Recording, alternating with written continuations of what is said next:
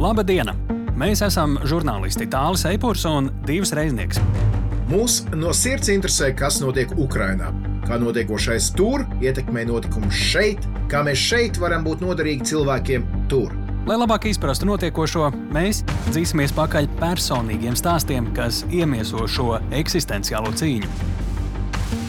Mēs skaidrosim, ko globāla ziņu virsraksts nozīmē šeit, pie mums. Jo Ukraina cīnās ne tikai par savu brīvību. Ukraina šobrīd ir arī mūsu drošinātājs.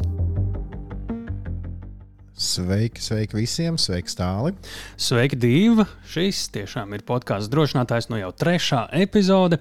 Un uh, mēs tūdaļ arī izstāstīsim, kas mūs un jūs šajā epizodē sagaida. Jā, nu sāksim ar lielo interviju, ko um, jūs varēsiet dzirdēt raidieraksta noslēgumā, tālāk par kur tā būs. Tā būs intervija, kur mēs eh, sarunāsimies ar Nīžinas pilsētas mēru. Kāpēc tā ir svarīga un kāpēc tas ir interesanti? Mēs centīsimies parādīt šajā sarunā to, kā tad ir vienkārši dzīvot vienā Ukraiņas pašvaldībā, lai mēs varētu iztēloties, ko tas nozīmētu mums šeit, Latvijā, dzīvojot katram savā pilsētā, pilsētiņā, ciematā. Protams, iejuties nedaudz Nīžinas iedzīvotāju ādā. Nu, gan drīz vai tas ir gan par to, kur ir mazāk naudas līdz ar karu, kur ir postījumi, kādu palīdzību vajag. Un uh, tur arī būs, starp citu, tāda mazodziņa. Uzzināsiet, kāpēc šo podkāstu īpaši svarīgi klausīties ir preļu iedzīvotājiem. Uh, jā, un tad uh, mēs arī nedaudz parunāsim par um, tādu jaunu terminu, kas ienācies pēdējo nedēļu laikā. Šahid 136. Tie ir īrāņu droni, kas terorizē šobrīd Ukraiņas pilsētas it īpaši kara darbības zonās, um, tā teikt, frontes uh, līnijās, uh, viņi īpaši netiek manīti, bet tieši dod triecienus par civilu iedzīvotājiem un šīm infrastruktūras objektiem. Jā, nu, tur mēs pievērsīsim īpašu uzmanību. Un, protams, būs arī ekspertīze podkāstā drošinātājs. Un Kristīna Bērziņa no Vašingtonas mums palīdzēs saprast, gan kāpēc īpaša uzmanība ir pievēršama, ja jūs nepārklausīsieties Taģikistānas līdera izteikumiem, un mums tie ir svarīgi, un cik bīstams vai nebīstams ir jaunākās tūkstošiem Krievijas karavīru kustības Baltkrievijas teritorijā. Tie pāris no aspektiem, un tagad jāsaka tā: Sveiki, Kristīna! Sveika, Kristīne! Labdien, labdien! Nu, ko, kā vienmēr, nu jau ierasts, trīs jautājumi. Sāksim ar pirmo. Aizgājušajā nedēļā notika uh, fórums Krievija, Centrālā Azija. Tātad Krievijas un Centrālā Azijas valsts prezidenti tikās, un mani piesaistīja ļoti Taģikistānas līdera izteikumi, kuros viņš teica šādus vārdus всегда уважал и уважаем интересы своего главного стратегического партнера. Nu, хотим, чтобы нас уважали. Vienmēr esam cienījuši mūsu galvenā strateģiskā partnera intereses, taču vēlamies, lai arī mūs cienītu. Negribam, lai politika attiecībā pret Centrālā Azijas valstīm būtu kā pret bijušajām PSRS republikām. Mums katrai valstī ir savas problēmas, jautājumi, tradīcijas, paražas. Vajag atrast zelta vidusceļu un strādāt ar katru republiku individuāli. Kaut ko tādu Putina virzienā es līdz šim nebiju dzirdējis. Vai tas ir pārsteigums? Putinam tas noteikti ir pārsteigums. Bet vai pasaules mērogā tas ir pārsteigums? Es teiktu, ka nē. Šobrīd Krievija zaudē ietekmi ne tikai Eiropā, bet arī Centrālā Azijā. Krievijas karš ir eh, parādījis to, ka Krievija nav visvarana, un citas valstis Krievijas perifērijā, tā izskaitā Centrālā Azijā, izrāda savu neapmierinātību tam, kā agrāk Krievija ir rīkojusies. Šīs valstis Centrālā Azijā tās ir starp Krieviju un Ķīnu. Un viņām nav šobrīd jādanco pēc uh, Putina stabulis, tāpēc ka viņām ir arī alternatīva. Un viņas var sliekties vairāk uz to pusi. Un tāpēc mainās ļoti arī reģionu dinamika starp Krieviju, Ķīnu, Centrālā Aziju. Bet kas ir zaudētājs? Viennozīmīgi Krievija. Ja Krievija ir zaudētājs, vai mēs šeit Latvijā esam ieguvēji? Sēkt, jā, jo Krievijai ir jāierobežo savas ambīcijas. Un jau tagad Centrālajā Azija nosaka, ka tur ir viena robeža, Baltija nosaka, mēs jau sen neesam jūsu impērijā šajā pusē. Un tas liek Putinam saprast, ka viņa ilūziju pasaule nav reālā pasaule. Kas vispār ir ar Ķīnu un, un Ukraiņas krīzi? Jo mēs, eh, mēs to pārāk daudz nedzirdam. Mēs redzējām, ka Ķīna arī atturējās pēdējā balsojumā ANO, kur eh, bija balsojums par eh, aneksēto teritoriju pievienošanu Krievijai. Kāda ir Ķīnas loma šajā visā. Bez Ķīnas atbalsta Krievija nebūtu varējusi iebrukt Ukrajinā februārī vai arī šobrīd turpināt kara darbību. Bet Ķīna nav pavisam atbalstījusi Krievijas kara darbību, un at, Ķīnas atbalstam ir robežas. Ķīna, Ķīna vēlās uh, padarīt ASV švakāku. Ķīna vēlās veidot pasauli pēc savas politiskās un ekonomiskās sistēmas, bet Un, un tad, ja Eiropa un ASV ir aizņemtas ar karu Ukrajinā, tas atkal ļaus Ķīnai izaugt un, un attīstīties savā uh, virzienā. Bet Ķīna negrib, lai pasaules ekonomika sabrūk, un Ķīna negrib arī šobrīd lielāku kara darbību un negrib arī lielu sankciju ietekmu Ķīnas ekonomikā. Un tādēļ ir arī šis atbalsts, tam atbalstam arī ir robežas. Un, un arī jautājumos par kodoli ieroču pielietojamību Ukrainā. Jautājums ir, vai Ķīna atļautu Krievijai tā rīkoties? Un eh, atbilde mēdz būt visticamāk nē. Jo? Jo Ķīna nevēlas redzēt globālā mērogā atomkaru. Un bez atkal Ķīnas atbalsta Putinam nav brīva rīcība. Un mēs redzam, tad, ka ir varbūt attīstās mazā brāļa, lielā brāļa dinamika, bet Krievija nav pieradusi būt mazais brālis attiecībās. Bet realitātē tā būtu šī brīža viņas loma? Tā ir tā loma. Un nākošos simts gados, jo vairāk attīstās autokrātu brālība, tajā brālībā Ķīna ir lielais brālis, Krievija ir mazais brālis. Labi, pie ģeopolitiskajām uh, spēlēm un spēlītēm mēs vēl atgriezīsimies trešajā jautājumā, bet nu laiks otrajam jautājumam. Uh, mums vismaz geogrāfiski krietni tuvākam - Baltkrievija. Mēs esam redzējuši gan to, ka Baltkrievija sūta Krievijas virzienā savus kaut kādus vecos tankus, un tāpat laikā mēs redzam, ka Krievijas karavīri atkal ierodas Baltkrievijā. Kāpēc atkal Baltkrievija ir uh, nonākusi ziņu virsrakstos? Šobrīd nav skaidra robeža militāru apmācību un, un arī nodarbību ziņā starp Baltkrieviju un Krieviju. Ja nonāk Krievijas karavīri Baltkrievijā, ir jautājums, ko viņi tur dara. Šobrīd izskatās, ka jaunie karavīri, kur ienāks Baltkrievijas karavīri, kur nonāks Baltkrievijā, tur sāk trenēties, ka tie ir mobilizētie karavīri. Viņi mācās pamatprincipu kara darbībai. Ja tie būtu nopietnāki, jau pieredze, pieredzējuši profesionāli karavīri, būtu iemesls uh, uztraukties, piemēram, Latvijai, Baltijai. Tomēr tas ir tuvu pie robežas, un arī tā vieta, kur daudzi viņi trenējās, nav pārāk tālu. Bet arī otrs jautājums ir, vai tie, tie no Baltkrievijas karavīri, Krievijas karavīri, varētu atkal uh, uzbrukt Ukrainai no ziemeļiem, atkal uh, traukties uz Kievas pusi. Bet uh, laikapstākļi un arī švakais to karavīru stāvoklis liek domāt, ka par to nevajadzētu šobrīd uztraukties. Krievija drīzāk izmanto Baltkrievijas eh, bāzes un resursus, lai palīdzētu uztrenēt karavīrus, bet šobrīd no Baltkrievijas neplāno jaunus uzbrukumus ne uz Ukrainas pusi, ne uz Baltijas valstīm. Par Baltkrieviju runājot, man ir viens jautājums, kas īstenībā nav skaidrs. No vienas puses, mēs runājam par to, ka Baltkrievija principā priekš Krievijas ir tāda gluži vai nu, caurstaigājumā sēta. Ja viņi grib, viņi atsūta raķetes, ja viņi grib, viņi atsūta dronus, ja viņi grib, viņu karavīri iet iekšā, iet ārā. Tāpat laikā Baltkrievijas armijas vienības karā nav iesaistītas. Kādēļ tā? No vienas puses, Baltkrievija it kā ir totāli zem Krievijas, no otras puses, viņi ir spējuši neiesaistīties ar savām aktīvajām armijas vienībām šajā karā. Lukašenko e, ir zem Putina papēža tajā pašā laikā. Baltkrievu tauta nevēlas iesaistīties karā Ukrainā vai uzbrukt savai kaimiņu valstī. Risks ir tāds. Ja Baltkrievijas karavīri, karaspēks uh, iesaistītos uzbrukumā Ukrainā tāpat kā Krievijas karaspēks to dara, vai būtu revolūcija. Ja viņš prot atrast līdzsvaru un saprast robežas, cik tālu viņš var vienu vai otru pusi pastumt. Labi, bet tātad par Baltkrieviju runājot, mums vismaz šeit Latvijā šobrīd nebūtu jāsatraucas, ka Krievijas karavīri atkal ir ieradušies Baltkrievijas teritorijā lielākā skaitā un ka mūs varētu kas apdraudēt. Skaits nav tik liels un spējas tiem nav. Tādēļ nav pārāk iemesls bažām. Nu, ko iesim pie noslēdzošā jautājuma pēdējās divas nedēļas. Arvien vairāk mēs dzirdam terminu Irāņu, kamikādzes droni.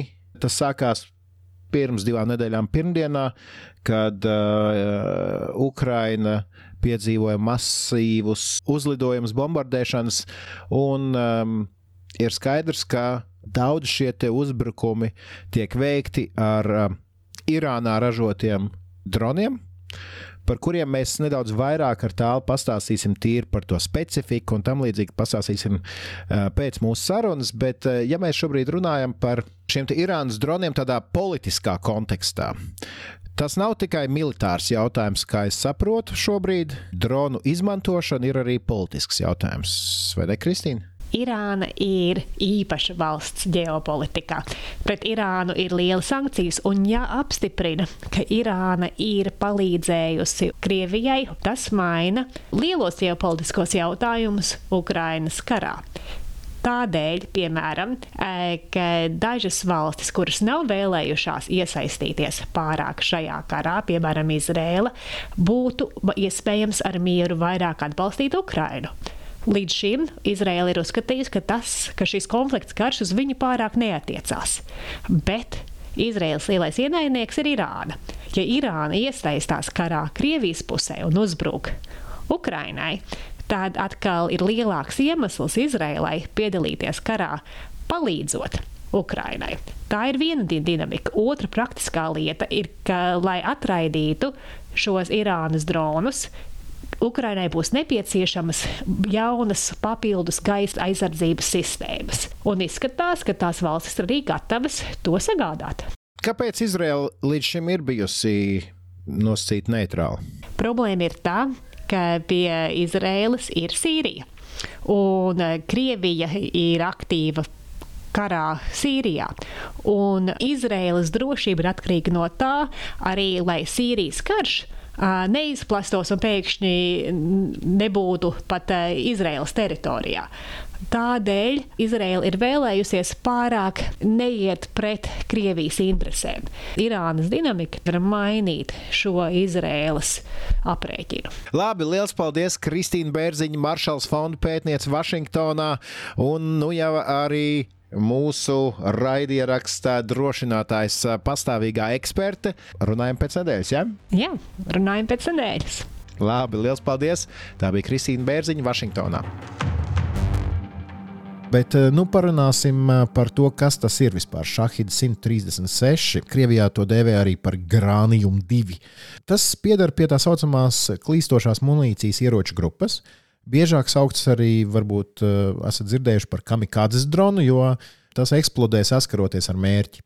Ukraiņas pusē, starp citu, arī tādi ir amerikāņu piegādātie switchable droni un paša Ukrāņu ražoti. Tāpat ir arī pārveidot droni, kas oriģināli paredzēti citiem mērķiem, piemēram, dronu sportam. Bet Shahid 136 ir ražots Irānā. Tā spārna platums ir 2,5 metri un svars ir apmēram 30 līdz 50 kg. Tā ir bruņota ar 40 kg sprākstvielu. Parasti to palaiž no smagās mašīnas bagāžnieka, var nolidot gandrīz 2,5 tūkstošu km. Var riņķot virs savu mērķa, līdz tiek dots uzdevums uzbrukt. Tas ir skaļš, zemi lidojošs un salīdzinoši lēns - apmēram 185 km/h. Tādēļ arī salīdzinoši viegli notriecams. Tur citu par to troksni runājot, viņus sauc par mopēdiem. Jo tas troksnis, tad, kad viņi tuvojas, protams, ka ir baisa, zinot, ka tuvojas kam ir kāds drons, bet tajā pašā laikā Viņu ir viegli sadzirdēt, un, ja tev ir ieroči, ar ko stāties pretī, tad tu nebūs tā, ka pēdējā brīdī vienkārši kaut kas nosilps un uzsprāgs. Varam arī paklausīties, kā tas izklausās. Nu, gluži kā mopēds, tāpēc arī Ukraiņā tā viņi ir iesaukt. Tā problēma šobrīd ir tāda, ka viņi ir gan lēti. Viņi maksā apmēram 20,000 eiro gabalā. Lēti, jā. Uh, salīdzinoši ja, ar raķetēm, kuras maksā arī miljonus. Tādēļ Krievija šos dronus izmanto masveidā un vienkārši ne visus fiziski ir bijis iespējams nošaut. Un te, uh, protams, ka ne jau es to saku, bet uh, gana daudz militāros ekspertus noklausījies.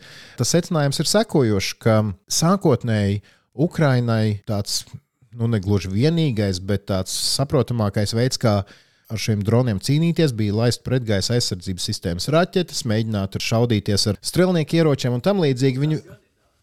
Jā, un šīs raķetes, ja viņi izmantoja, tas, protams, ir daudzkārt dārgāk nekā citādāk. Bet varētu būt, un eksperts to norāda, ka šis varētu būt tāds īstermiņa apdraudējums Ukraiņai, jo tas, kas viņiem pietrūka, viņiem pietrūka zenīta artērijas.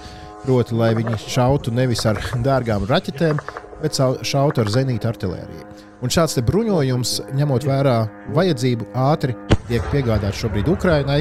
Un, ja mēs skatāmies pēc statistikas, paši Ukrāņi vismaz apgalvo, ka tas procents ir ļoti iespaidīgs ar tiem droniem, kas tiek notriekti. Līdz ar to mērķus sasniegt, sasniedz tikai retie. Bet tā kā viņu ir daudz, tā vēl aizvien ir problēma, jo ne visus izdodas nošaut. Nu jā, tā šis karš attīstās. Ja Ukrāņiem sākumā bija bairaktari, Krievi atrada pretlīdzekļus, tagad bairaktari vairs nav tik efektīvi. Tagad Krievi ir atraduši šādu veidu ieroci, un Ukrāņi meklē pretindi.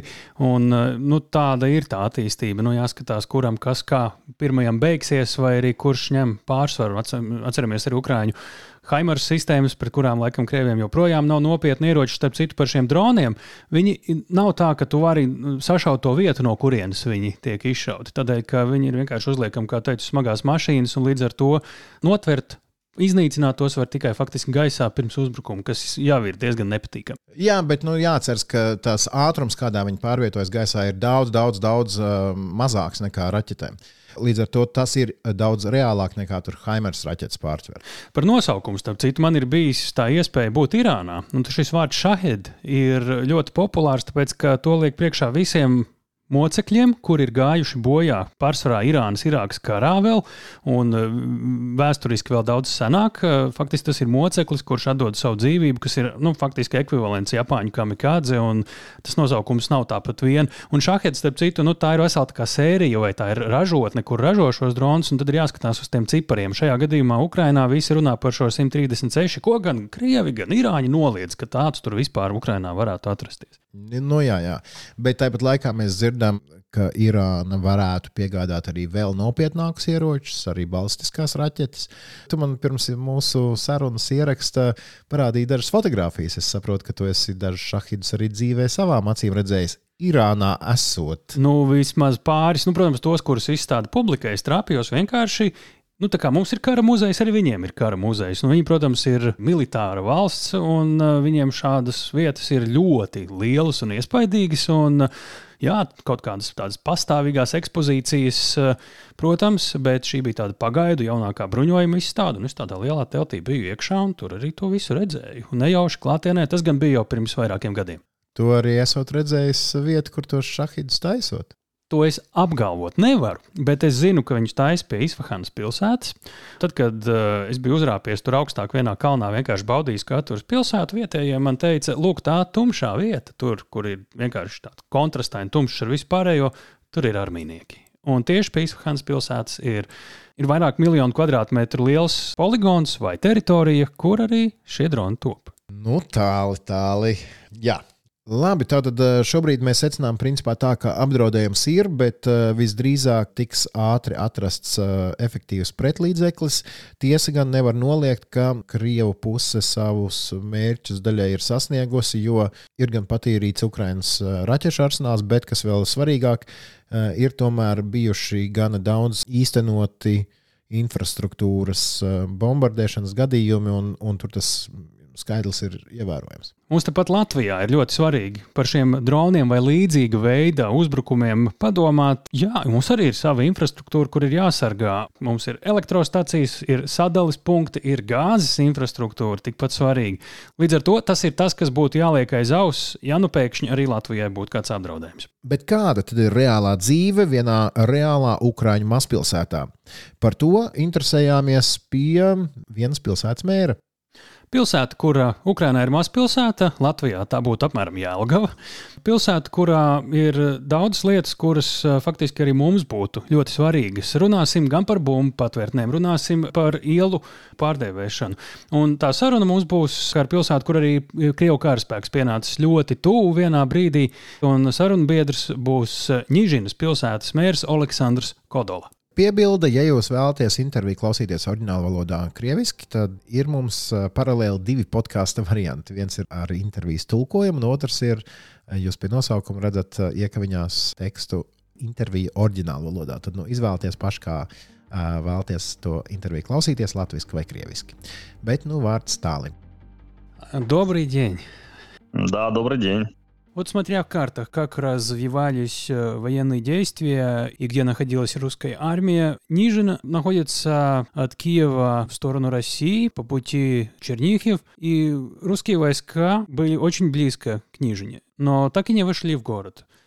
Как бы вы характеризовали бы теперь, э, когда было это самое трудное время, сколько оно длилось и что тогда произошло? Полномасштабная военная агрессия для нас началась 24 февраля в 4.20 утра ракеты, уже ракетно-бомбовый удар был нанесен по нашему аэродрому, который расположен в Нежине, государственной службы чрезвычайных ситуаций. То есть это спасатели, пожарники, которые э, тушат пожары по всей Украине и даже за ее пределами, помогаем многим странам. Вертолеты, самолеты, они все базируются у нас в Нежине, на нашем Нежинском аэродроме. То есть это самый большой такое самое большое подразделение авиации э, по всей стране, оно именно в Нежине. И вот 4.20 утра уже нанесен был ракетно-бомбовый удар по этому аэродрому, по командному пункту управления, в результате чего, к сожалению, погибло 5 человек, 5 спасателей. Э, а 25 февраля, на следующий день, уже войска России стояли под нашим городом, и пытались зайти в город. И только благодаря тем военным, которые были на то время в нашем городе, добровольцам, всем неженцам, мы дали э, отпор, дали первый бой и не пустили в город. И вот с 25 февраля по 1 апреля более чем месяц велись боевые действия вокруг нашего города. Наносились артиллерийские удары по городу, э, системы залпового огня, град, ураган, смерч – авианалеты. Более месяца мы вели боевые действия, но не пустили врага в наш город. Ни одна нога российского оккупанта не ступила на Нежинскую землю. Получается, самый мрачный период кончился, когда они несколько дней просто ушли от всего региона, да? Да, ну вот 1 апреля где-то закончились боевые действия. Два-три дня действительно они отходили в конце марта, последние числа марта. И при отходе они тоже много наносили ударов, очевидно, уже такие злости, в и много повреждений по инфраструктуре, к сожалению, и жертвы, самое главное, это человеческие жизни, тоже в последние дни марта имели место. По э, нашему городу, слава богу, нет. А в целом по Черниговской области, да, у нас были и летом прилеты э, по разным объектам. Непосредственно по нашему городу уже пока что прилетов не было. Но сигналы тревоги у нас звучат практически каждый день. Вчера их было, может, три, сегодня ночью.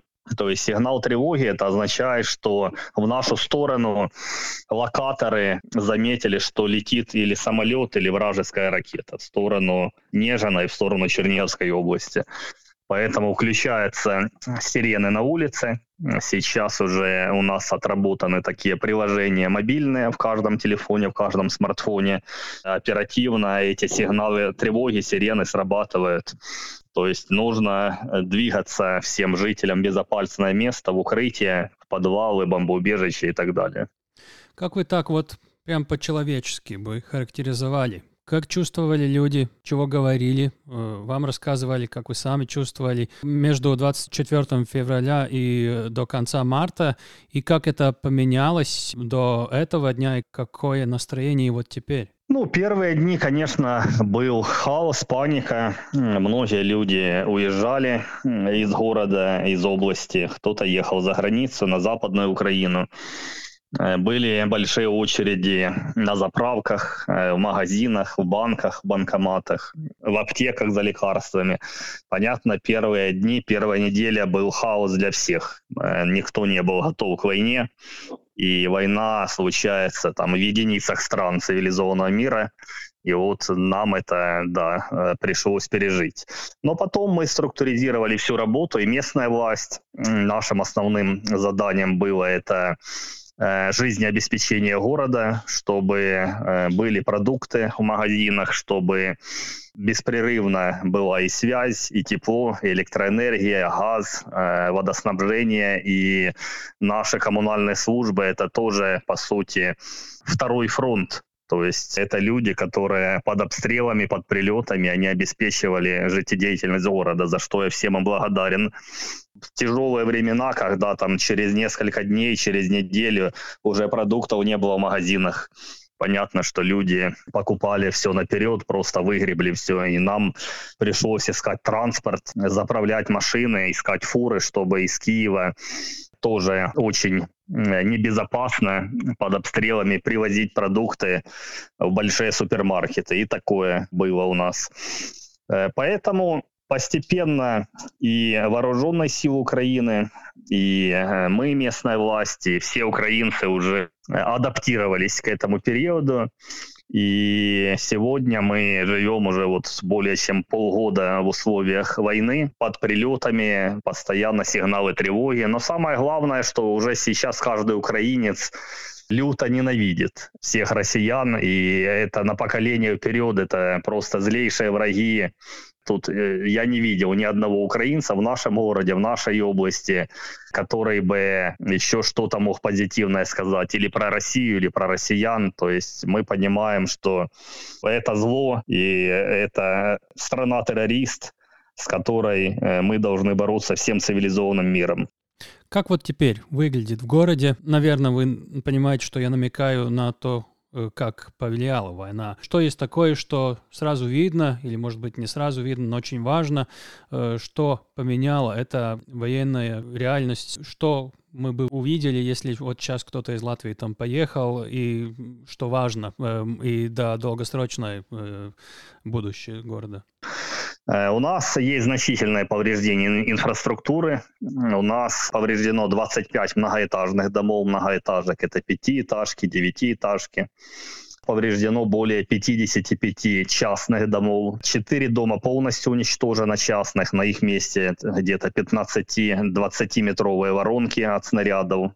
У нас имеют повреждения две школы, садик, э, спортивный объект, котельня. То есть вот это вот все последствия э, так называемого русского мира, который нам принесла Россия, страна-террорист. Ну и самое главное, это, конечно, человеческие жизни. У нас есть жертвы и среди мирного населения, и среди военных, которые защищали наш город. Сегодня у нас уже, к сожалению, 45 неженцев за этот весь период погибло. Э, это только военные, говорю. Погибло, защищая нашу страну.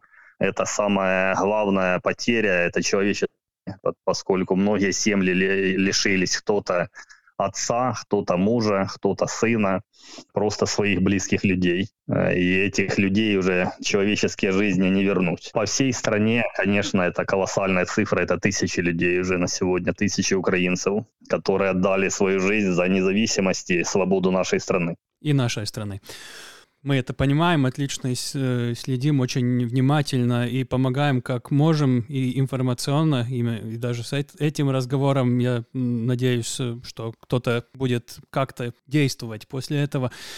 Активная война именно в территории Нижнего не происходит теперь, но вы все-таки в воюющей страны, люди едут воевать, вы, наверное, э, отправляете чего надо, если возможно э, на войну ресурсы, какие людям есть, да. Вот что есть э, то, что вы делаете из-за войны, э, чего вы раньше даже не подозревали, что нужно будет делать. Хотя война уже с 2014 года, но вот именно с 24 февраля.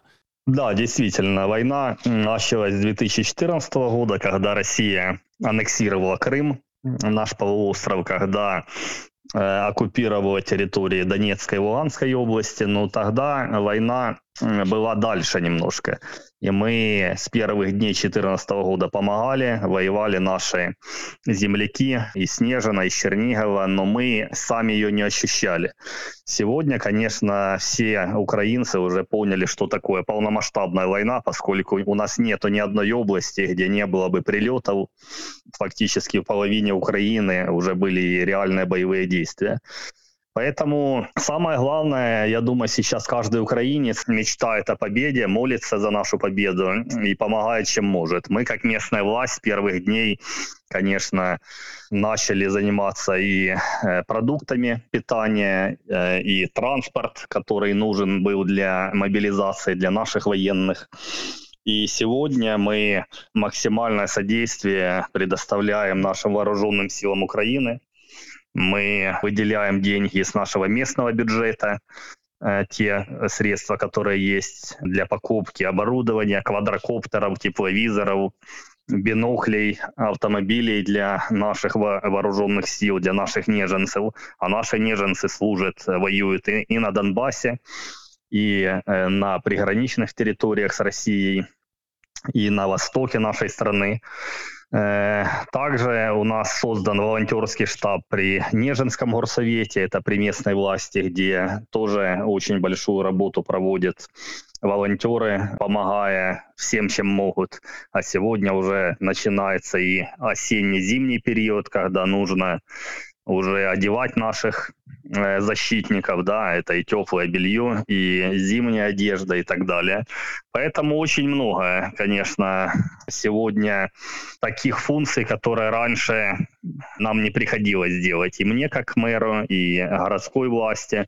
Но сегодня мы все делаем для нашей победы. Каждый на своем месте, каждый на своем уровне. И мы понимаем, что взнос каждого сегодня, это очень важно. Мы сдаем и со своих заработных плат взносы, благотворительную помощь, покупаем автомобили, работаем с бизнесом, с бизнесменами, то сколько может. Сегодня все для фронта, все для победы. Ну, мы в Латвии знаем, что мы по GDP вместе с Эстонией, Литвой топ-3 в мире, сколько мы даем помощь Украине. Для нашего бюджета это как бы большая цифра, но насколько вот именно для вашего города вот бюджет, если только смотреть, потому что эта помощь, конечно, шире бюджета, насколько война повлияла? Половина уходит для войны, вы сразу скажете. Ну, смотрите, бюджет э, общин, городов, муниципалитетов, он по закону не должен идти на вооруженные силы. То есть это государственный бюджет финансирует армию вооруженной силы. Но поскольку мы понимаем, что для победы должны помогать все, мы ищем механизмы и в том числе привлекаем и местные бюджеты на помощь нашей армии. Конечно, жить нормально сегодня речь не идет, поскольку мы не можем на 100% выполнять все свои функции. Сегодня мы остановили все программы развития города. То есть, вот, допустим, у нас этот год должен был называться годом парков и скверов. И мы закладывали в бюджете деньги на реконструкции парков, скверов, которые в городе. Это значительные деньги. Конечно, мы эти программы приостановили, поскольку это ну, сегодня не актуально. И мы эти деньги направляем на ремонты бомбоубежищ, многоэтажках, больницах, школах. Вот мы все лето активно готовились к новому учебному году. И понятно, как и в Латвии, так и э, в Украине бомбоубежища не были готовы да, на 100%, поскольку это ну, ранее не было важным. Сегодня мы э, очень много усилий направляем на то, чтобы эти бомбоубежища были в пригодном состоянии. Мы делаем ремонты, оборудуем генераторами, оборудуем баками для питьевой воды, туалетами или биотуалетами, то есть чтобы в случае тревоги или военных действий люди знали, куда им нужно спуститься, где спрятаться, и чтобы они были в безопасном месте. То есть сегодня приоритет для нас — это безопасность. И действительно, по сути, все программы развития, где-то минимум 20% бюджета общего нашего города мы направили на безопасность. То есть мы не делаем парки, скверы сегодня, мы не делаем какие-то капитальные ремонты дорог, эти деньги у нас перенаправлены на э, безопасность жителей нашего города. Ну и плюс мы тоже, я не буду называть цифры, но значительные средства направили на поддержку наших военных. То есть стройматериалы, покупка оборудования, то, что я говорил, для фронта и автомобилей, фортификационное сооружение мы строили уже вот весну и лето, чтобы так просто теперь враг, если захочет еще раз сюда прийти, чтобы уже мы его встретили достойно и так далее. Поэтому, по сути, до половины бюджета, конечно, уже сегодня направлены на другие приоритеты, на безопасность и на оборону нашего города. Насчет Латвии вы уже начинали. Мы знаем оба, что Латвия там присутствует или будет присутствовать. Вы уточните, в каком виде это уже может быть видно, насколько конкретно это уже видно, что это будет. Я немножко про историю наших отношений с Латвией, поскольку у нас э, есть о чем рассказать. Я занимаюсь уже развитием латвийско-украинских отношений 8 лет. С 2014 года я был избран первым заместителем главы Черниговского областного совета, был один из руководителей области. И тогда мы активно работали с посольством Латвии в Украине. А потом меня в 2014 году избрали депутатом парламента Украины.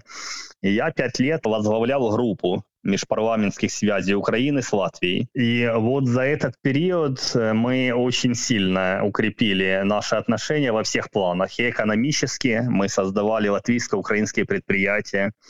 В Черневской области было открыто почетное консульство Латвии в Украине. Это первое консульство на то время и сегодня, которое было открыто в Черниговской области, в Черниговском регионе.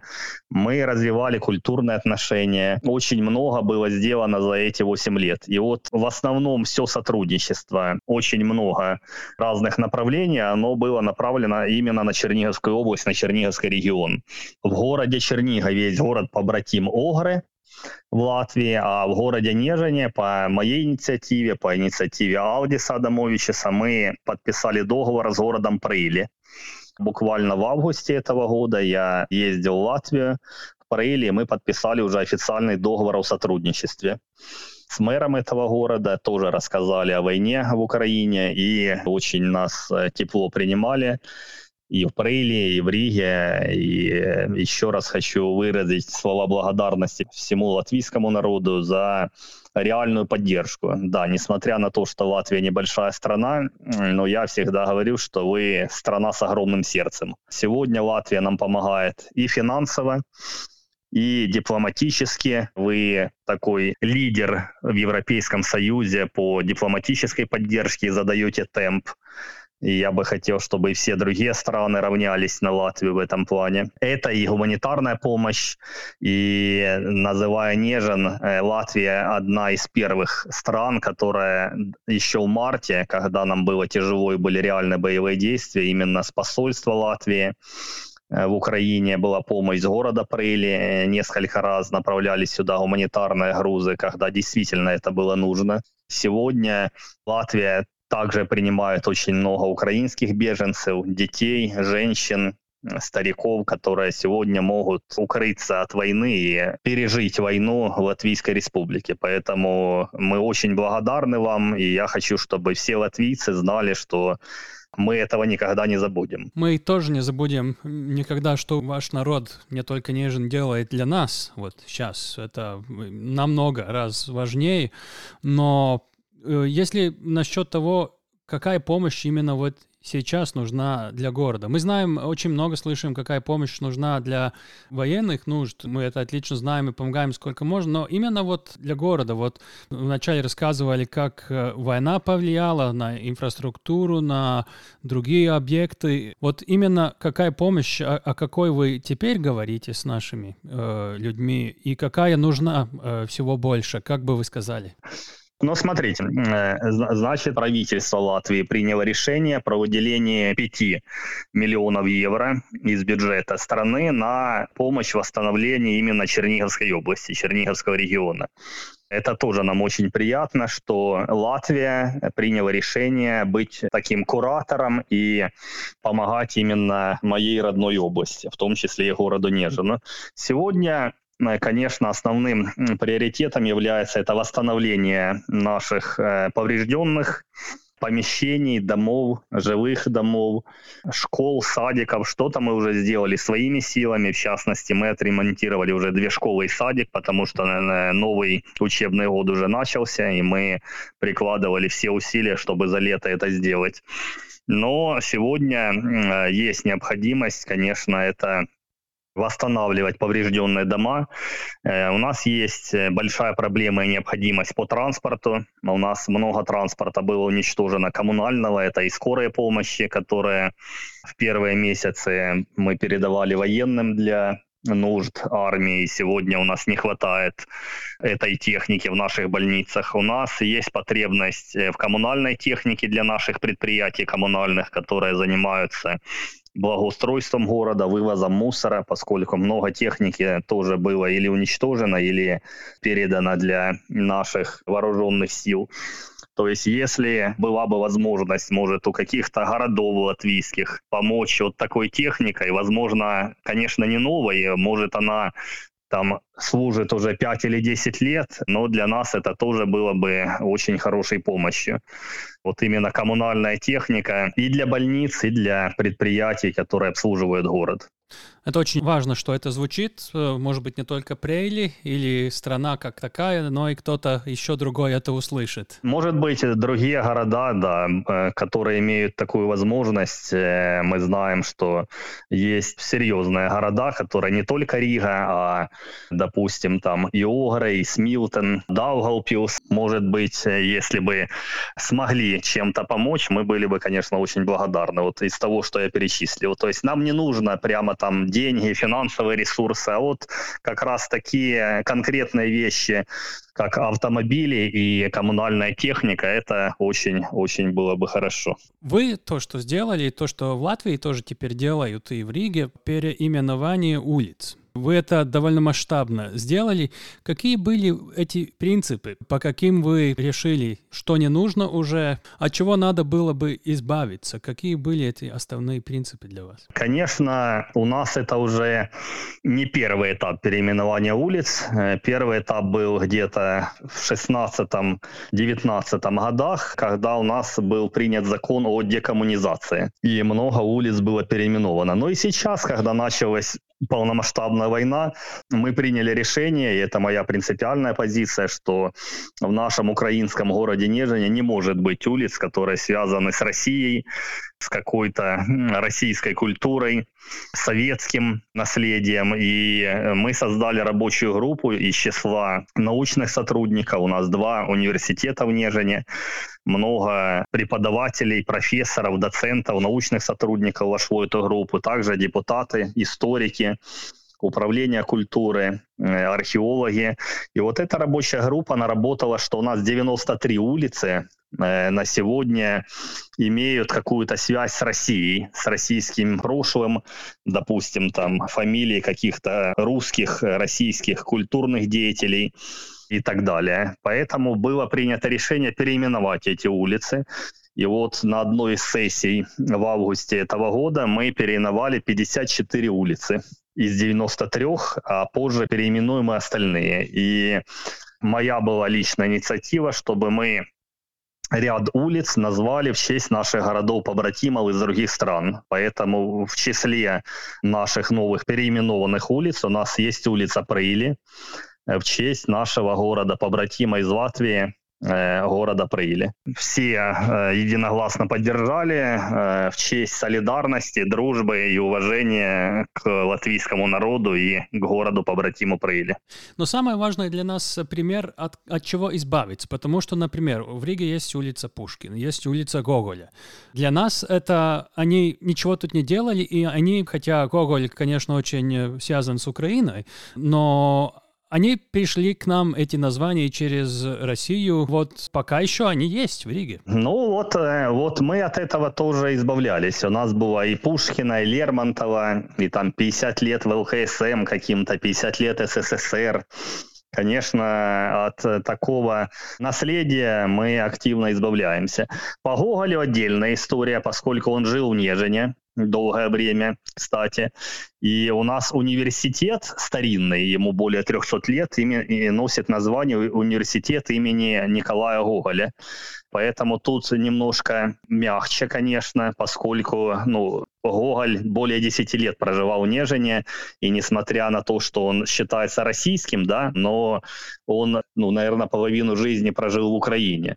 Ну, понятно, для Латвии э, он, конечно, так как и Пушкин, никогда там и не был, да, и не представляет значения. Да, ну, в Нежине жил наш художник Юлис Федерс, кстати, пять лет своей, последней своей жизни, да.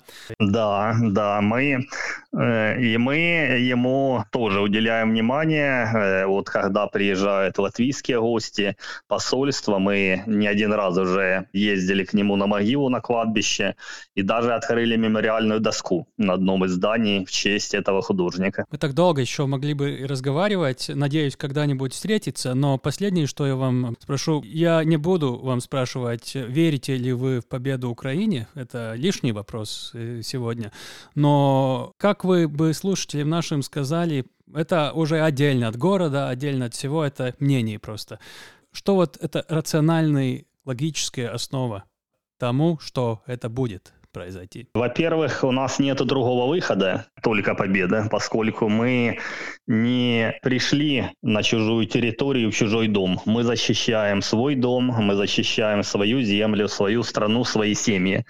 Поэтому по-другому и не может быть. Почему и весь мир, вся Европа, США, все объединяются, чтобы помочь нам поскольку все понимают, что Россия, Путин — это террористы. Это страна террористов, которая которую мы все должны остановить. Поэтому у нас нет никаких других вариантов, только победа. Любой ценой. Но мы победим, и в это все верим. Так и будет. Мы тоже верим. И так и будет. Дякую и слава Украине. Спасибо. Спасибо. Слава Украине, слава Латвии. Jūs dzirdējāt sarunu ar Nīžīnas pilsētas mēru Aleksandru Kodolu. Un jāsaka tā, kādu dienu gribētos nu, parunāties arī klātienē, tad, kad tas būs droši. Un... Kas zina, varbūt, kad karš beigsies, kādu drošinātāju epizodi mēs varam ierakstīt Nīžinā Preļu ielā. Vai ne? Pavisam noteikti. Katrā ziņā darām tā. Ja jums šis patika, dalieties sociālajos tīklos, sūtiet saiti uz mūsu raidierakstu saviem draugiem, radiem paziņām. Interviju atšifrējums, ja kāds ir vairāk lasītājs nekā klausītājs, droši meklējiet LSM LV. Un uh, droši rakstiet mums, drošinātājs at Latvijas radio.clv. Rakstiet atsauksmes, ra rakstiet arī savas idejas. Varbūt jums ir kāds uh, cilvēks vai kādas um, profesijas pārstāvis. Vai kāds temats. Vai kāds temats, uh, par kuru jūs gribētu dzirdēt, vai nu interviju, vai šajā skaidrojošajā sadaļā. Un klausieties mūs katru ceturtdienu. Drošinātājs skaidri un personīgi par karu Ukrajinā. Vislabāk! Raidieraksts drošinātājs.